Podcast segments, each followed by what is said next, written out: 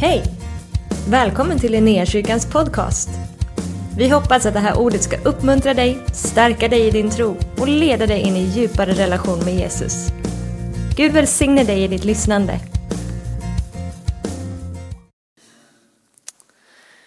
Temat för eh, förra söndagen, och alltså den här tisdagen, är änglar. Och eh, Lovisa har predikat om det här många gånger. Men som ni vet så kommer hon från östkusten. Där vet man ingenting om änglar. De är experter på råttor och kaniner. Men här på västkusten, här vet vi så ett och annat om änglar. Eller hur Jakob? Jajamän.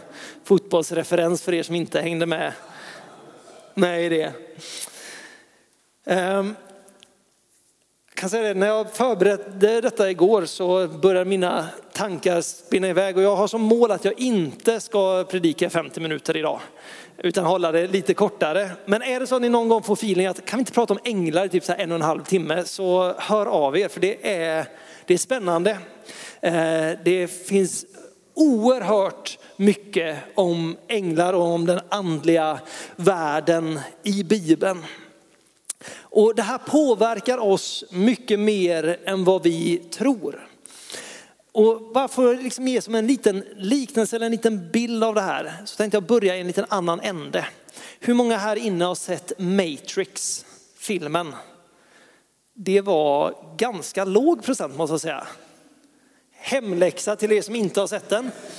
Eh, det är en kultfilm. Eh, den är superbra, i alla fall ettan. Tvåan, trean är sådär. Och jag vet inte om de hade det som liksom i åtanke när de gjorde de här filmerna. Men när man kollar på dem så kommer man märka att det finns oerhört mycket liknelser om Jesus i de här filmerna. Det finns så mycket, när man väl har sett det liksom, så går det inte att missa det, utan det finns så mycket som hela tiden bara pratar om, eh, om Jesus. Men det finns en annan aspekt på den här filmen som jag tänkte att vi skulle ta avtramp i. Eh, så det blir lite spoiler för er som inte har sett den, men inget så här eh, avgörande egentligen. Filmen börjar med att man får möta en kille som heter Neo. Eh, Neo lever i världen. Han är en kontorsnisse. På kvällarna så är han en hacker, sitter och surfar på nätet. Och det är någonting som skaver i Neos liv. Därför trots att liksom allting är som det ska vara så är det som att han hela tiden söker efter någonting annat. Det är som att han vet att det finns en verklighet eller en sanning precis liksom utom räckhåll för honom. Och det här liksom plågar honom och han är hela tiden på jakt efter vad är den här verkligheten. Så kliver en man som heter Morpheus in i Neos liv och han erbjuder honom två piller. Ett blått och ett rött, tror jag det är. Eh, där han säger att du har nu ett val. Om du tar det ena pillret så kommer du få följa med mig eh, på en resa där du kommer få se den riktiga verkligheten. Du kommer få se en helt ny verklighet öppnas upp framför dig. Du kommer kanske inte gilla det du ser. Men när du väl har sett det så finns det ingen återvändo.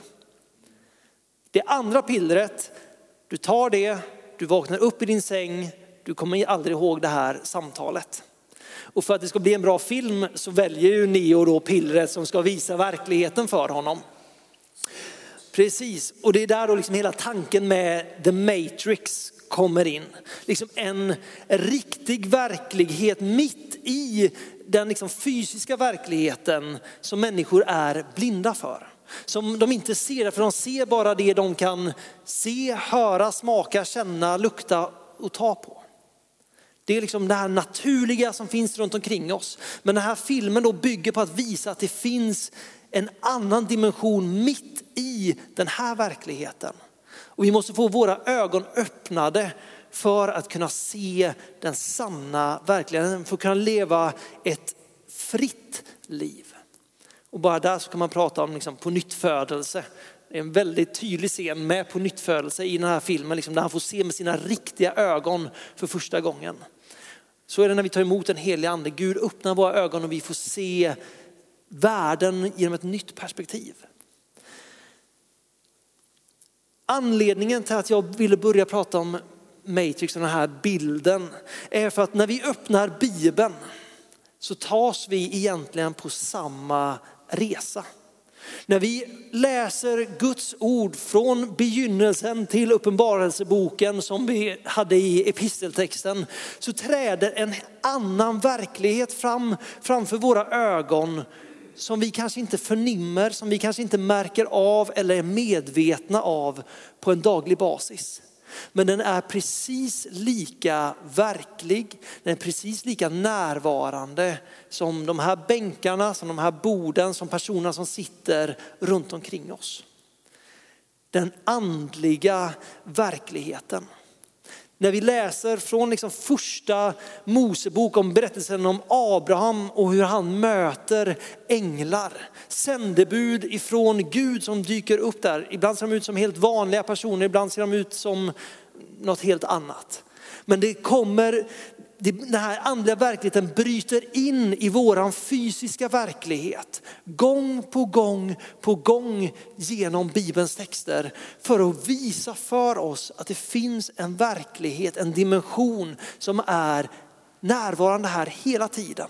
Som påverkar våra liv, som påverkar hela vårt samhälle utan att vi ser det. Änglar är en manifestation skulle jag vilja säga. Det är faktiska varelser.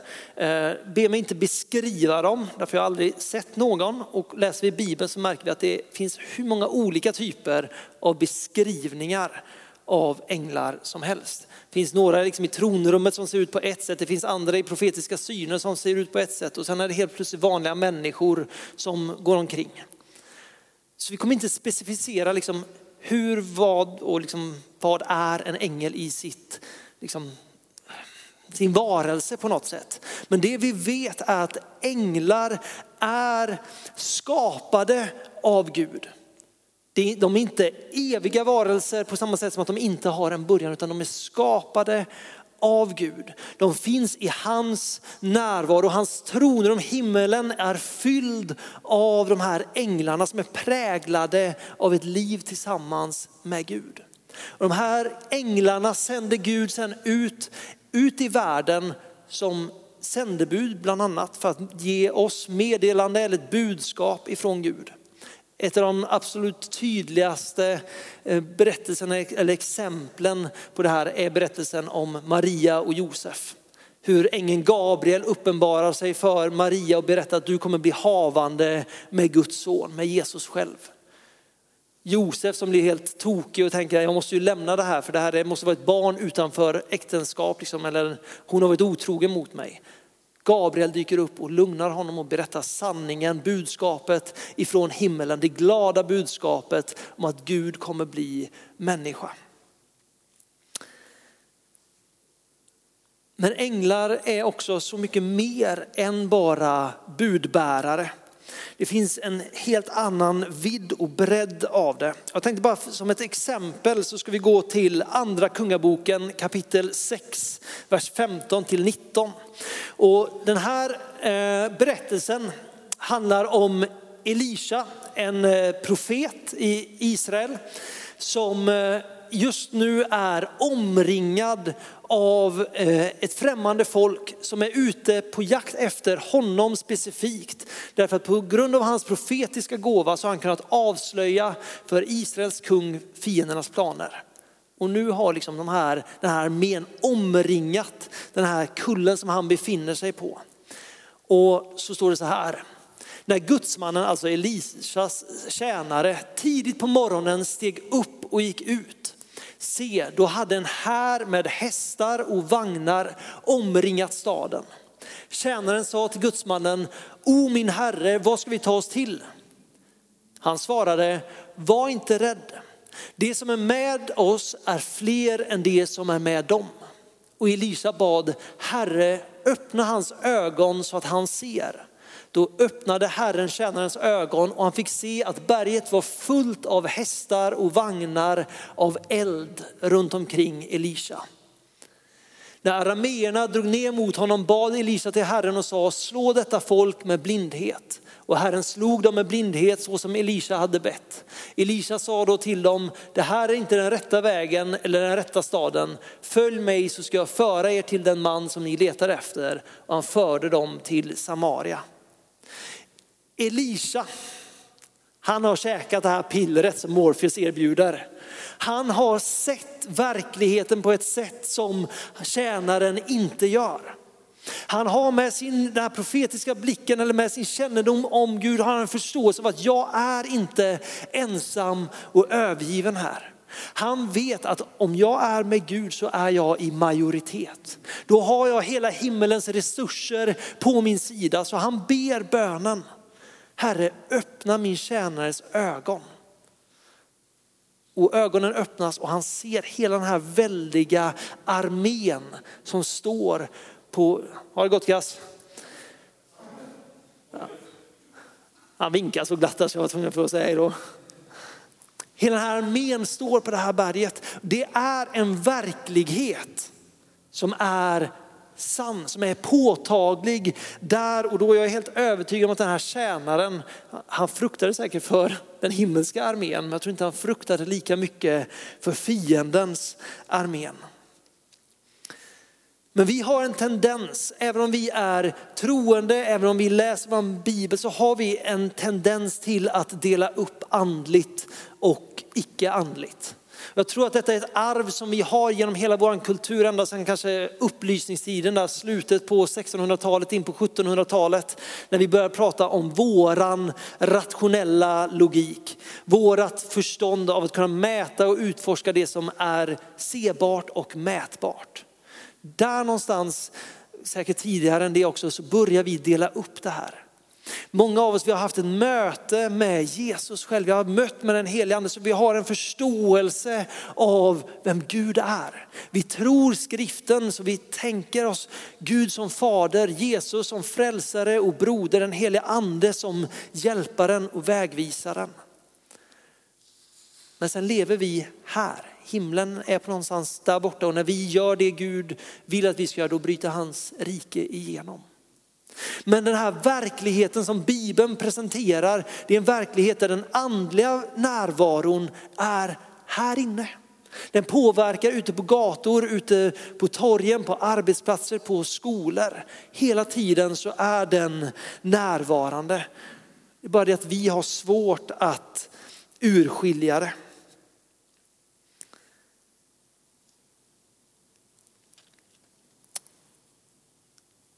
Änglarna, inte IFK Göteborgs änglar, utan Guds änglar är ständigt verksamma. De är hela tiden ute på Guds uppdrag här och nu för att ja, frambära hans rike, för att hans rike ska gå fram.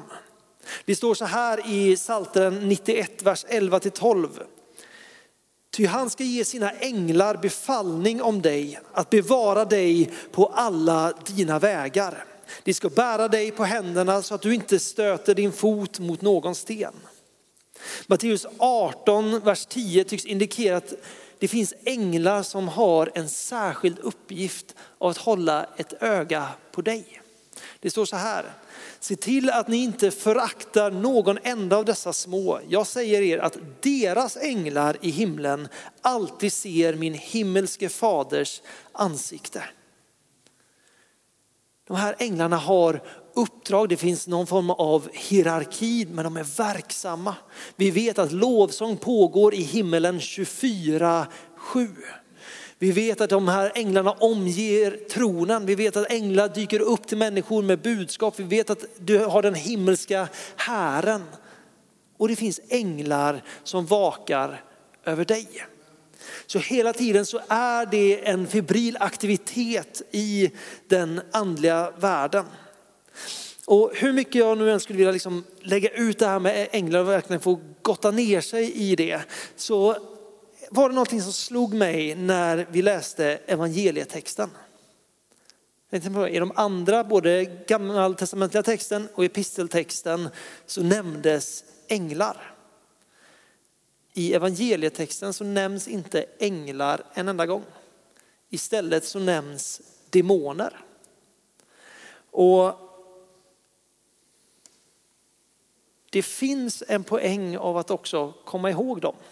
Inte ge dem för mycket fokus, inte ge dem något mandat i våra liv eller liksom få en fixering på demonen, Men det är en verklighet som precis som änglarna påverkar världen runt omkring oss.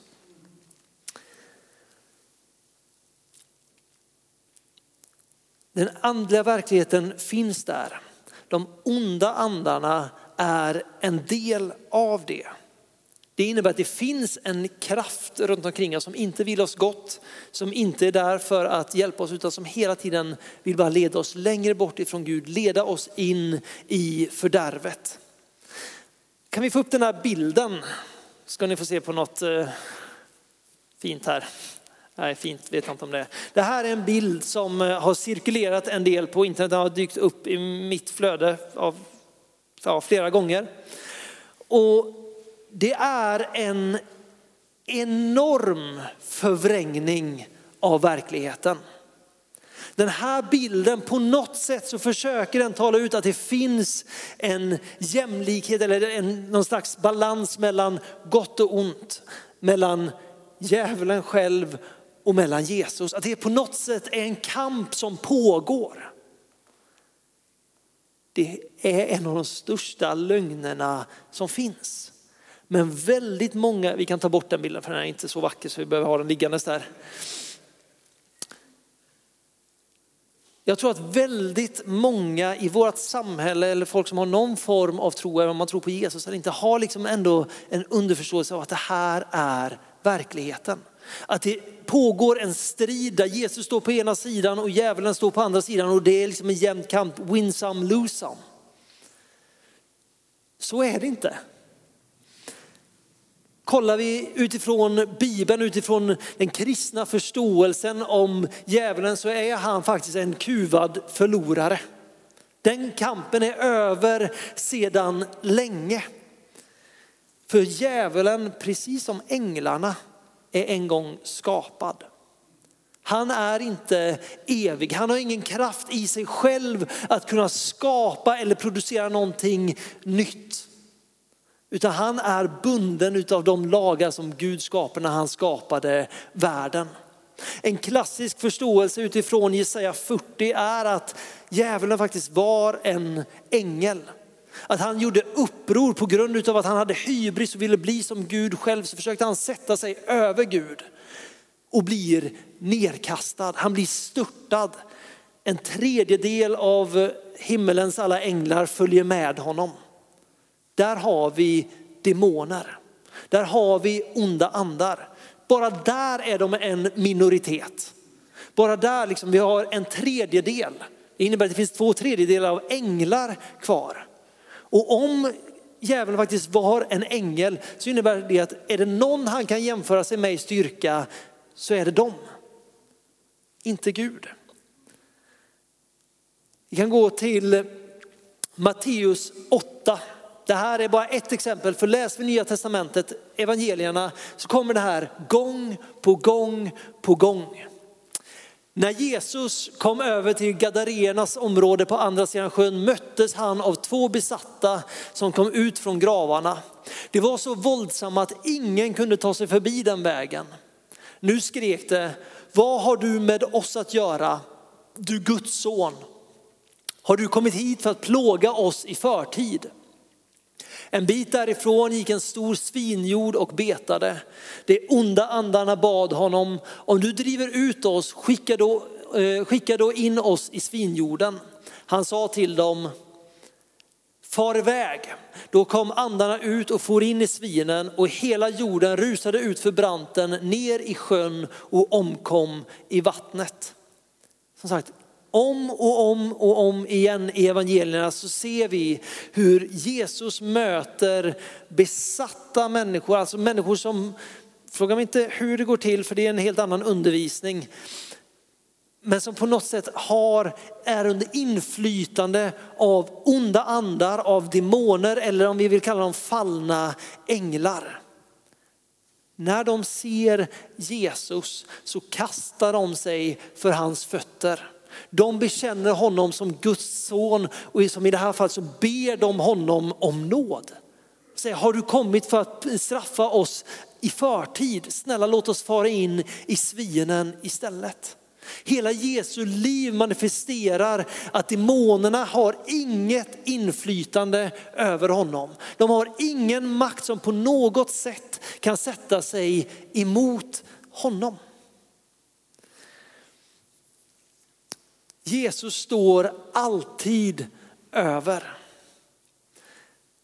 När man läser i Nya Testamentet om, eh, om djävulen så brukar han kallas för lögnens fader. Det står i eh, Hebreerbrevet tror jag det är, nej Petrusbrevet, att, eh, Eh, att djävulen eller Satan, han är som ett rytande lejon som går runt och letar efter någon att sluka.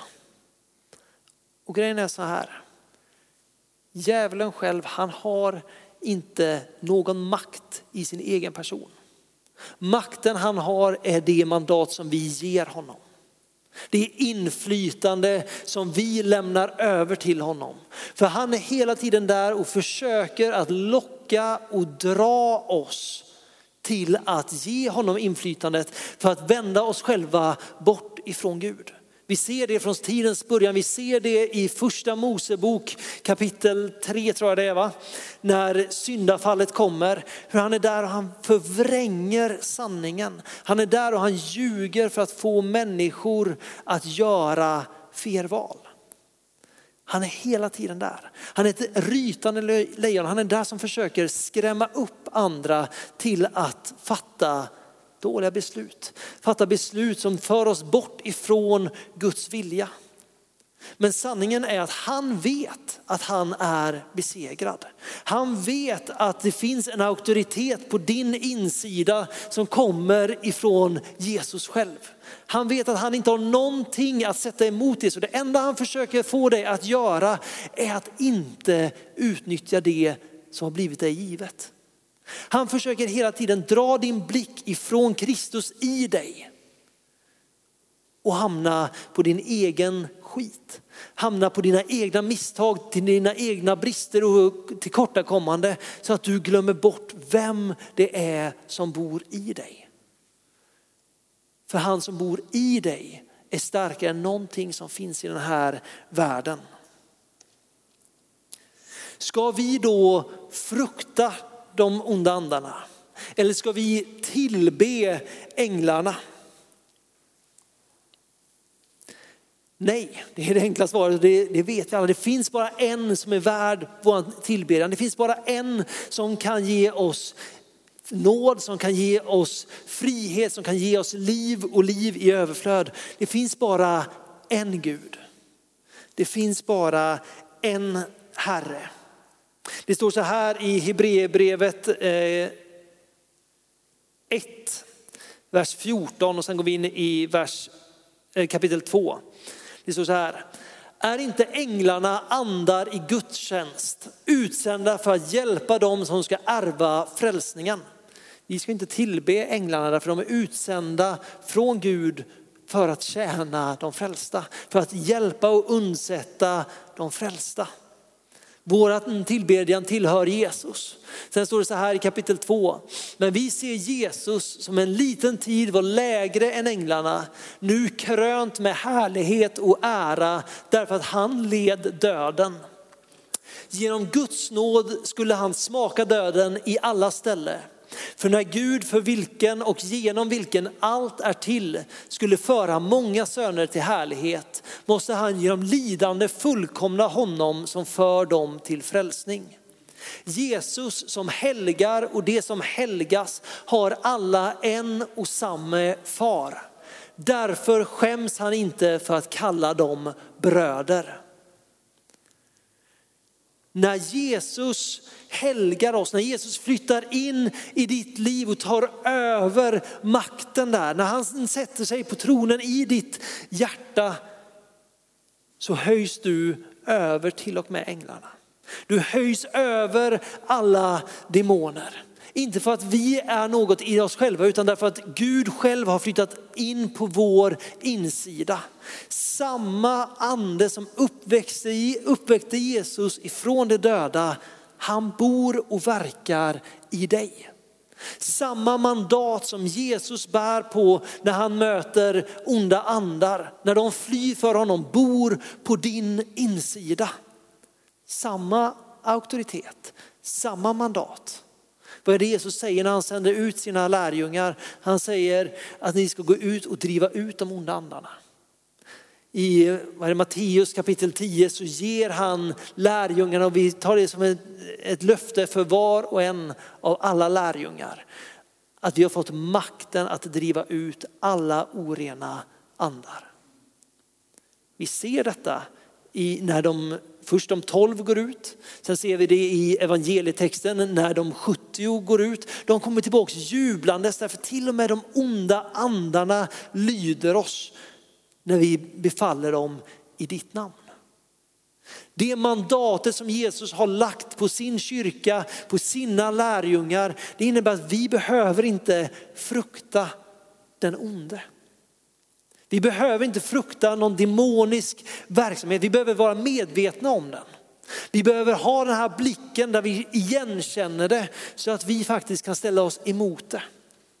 Så att vi kan tala ut Guds sanning istället för lögn. Där vi kan tala ut hans kärlek istället för förtryck.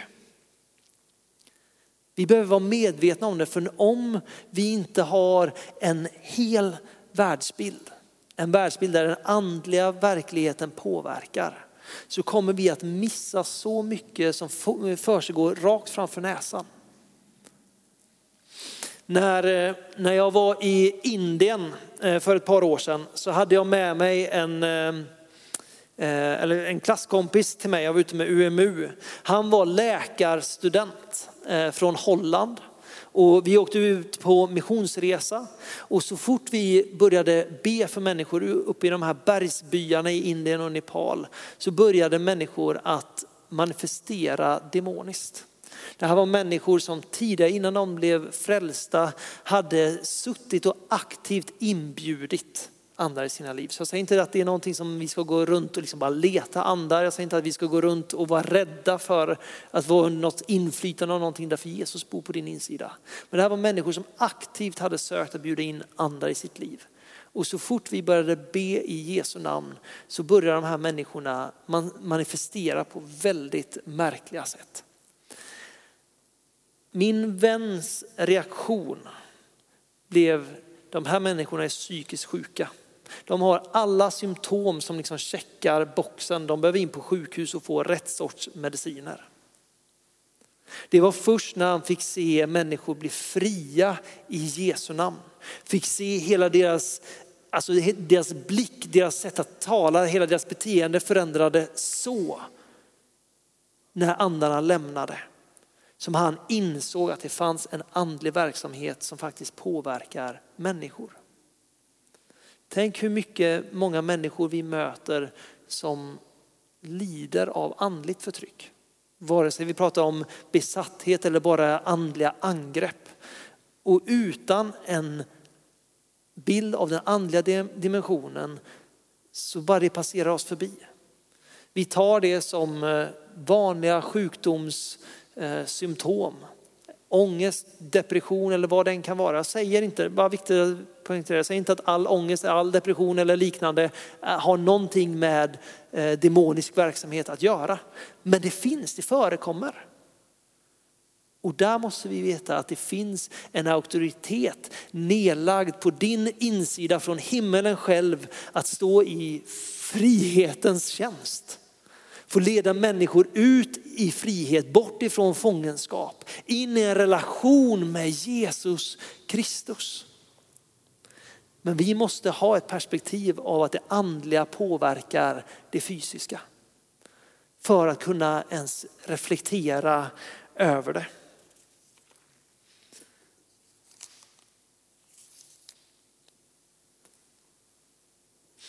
Bilden som vi visade innan, det är ingen jämn kamp. Jag har aldrig varit, kommer aldrig att bli. Det finns en kamp. Det går inte att förneka, för vi ser Guds rike bryta igenom. Vi ser vart vi är på väg, men vi ser också att här mitt ibland oss, på grund av synd och fördärv, så finns det fortfarande en kamp om människors liv. Djävulen kommer fortsätta kriga, ljuga, fördärva för att dra människor bort ifrån frälsningen. Men vi vet att Gud är en god Gud och han har satt sitt folk till att predika det goda budskapet, det glada evangeliumet om frälsningen. Jesus är ständigt verksam, hans änglar är ständigt verksamma i ditt liv och i vårt samhälle, i vår värld just nu. Men han har också satt oss som ambassadörer för sitt rike med himmelens auktoritet på din insida du att kasta ut dem. Inte slåss emot dem, inte diskutera med dem, inte förhandla med dem.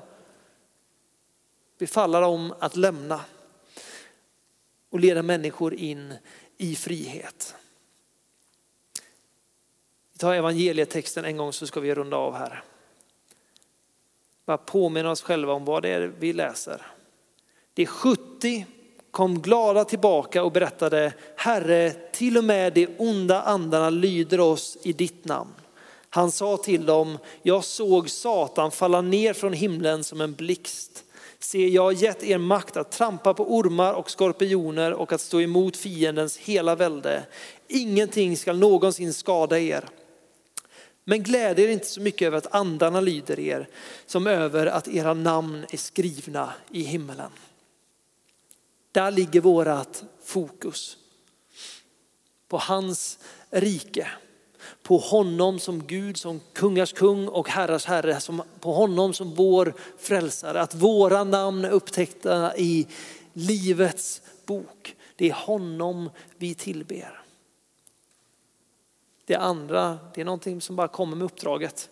Det andra är en bisyssla som kommer när vi är de vi är kallade till att vara apostlar. Utsända, utkallade för Guds rikes skull för att proklamera det glada budskapet. Då finns den andliga verkligheten runt och där vi går fram, där påverkas också den andliga verkligheten. Där vi går fram, där har vi hela himmelens fulla auktoritet. Där har vi full uppbackning av himmelen själv, precis som Elisa på, i den här staden. Hela den himmelska armén står där som uppbackning. Så vi har ingenting att frukta. Det enda vi kan göra är att lyfta blicken till honom som sitter på tronen. Kom ihåg att han vann slaget en gång för alla när han dog för vår skull. Men vi måste komma ihåg att det finns en annan verklighet. Vi måste komma ihåg vem det är som bor på vår insida. När vi känner oss förtryckta, när vi känner oss attackerade, när vi känner oss nedtrampade. Lyfta blicken från vår egen smärta, vår egen sorg, vår egen oro och kom ihåg vem det är som bor på vår insida. Kom ihåg vem det är som har betalat priset för dig och vad han är kapabel till att göra. Det blir mycket enklare att resa sig upp Därför till och med den onde vet att han har ingenting att sätta emot när vi vänder oss till Jesus. Amen. Tack för att du har varit med oss. Hoppas du känner dig inspirerad av Guds ord och har fått nya perspektiv. Hör gärna av dig till oss och berätta om Gud har rört vid dig på något sätt. Vi är så glada att få höra vittnesbörd om vad Gud gör. Du kan mejla oss på adressen info och dit kan du även mejla om du har ett böneämne som du önskar att vi ber för. Eller om du har tagit emot Jesus och inte har någon bibel så vill vi mer än gärna skicka en bibel till dig. Skicka ett mejl med ditt namn och dina adressuppgifter till info.linneahuset.se så ser vi till att du får en.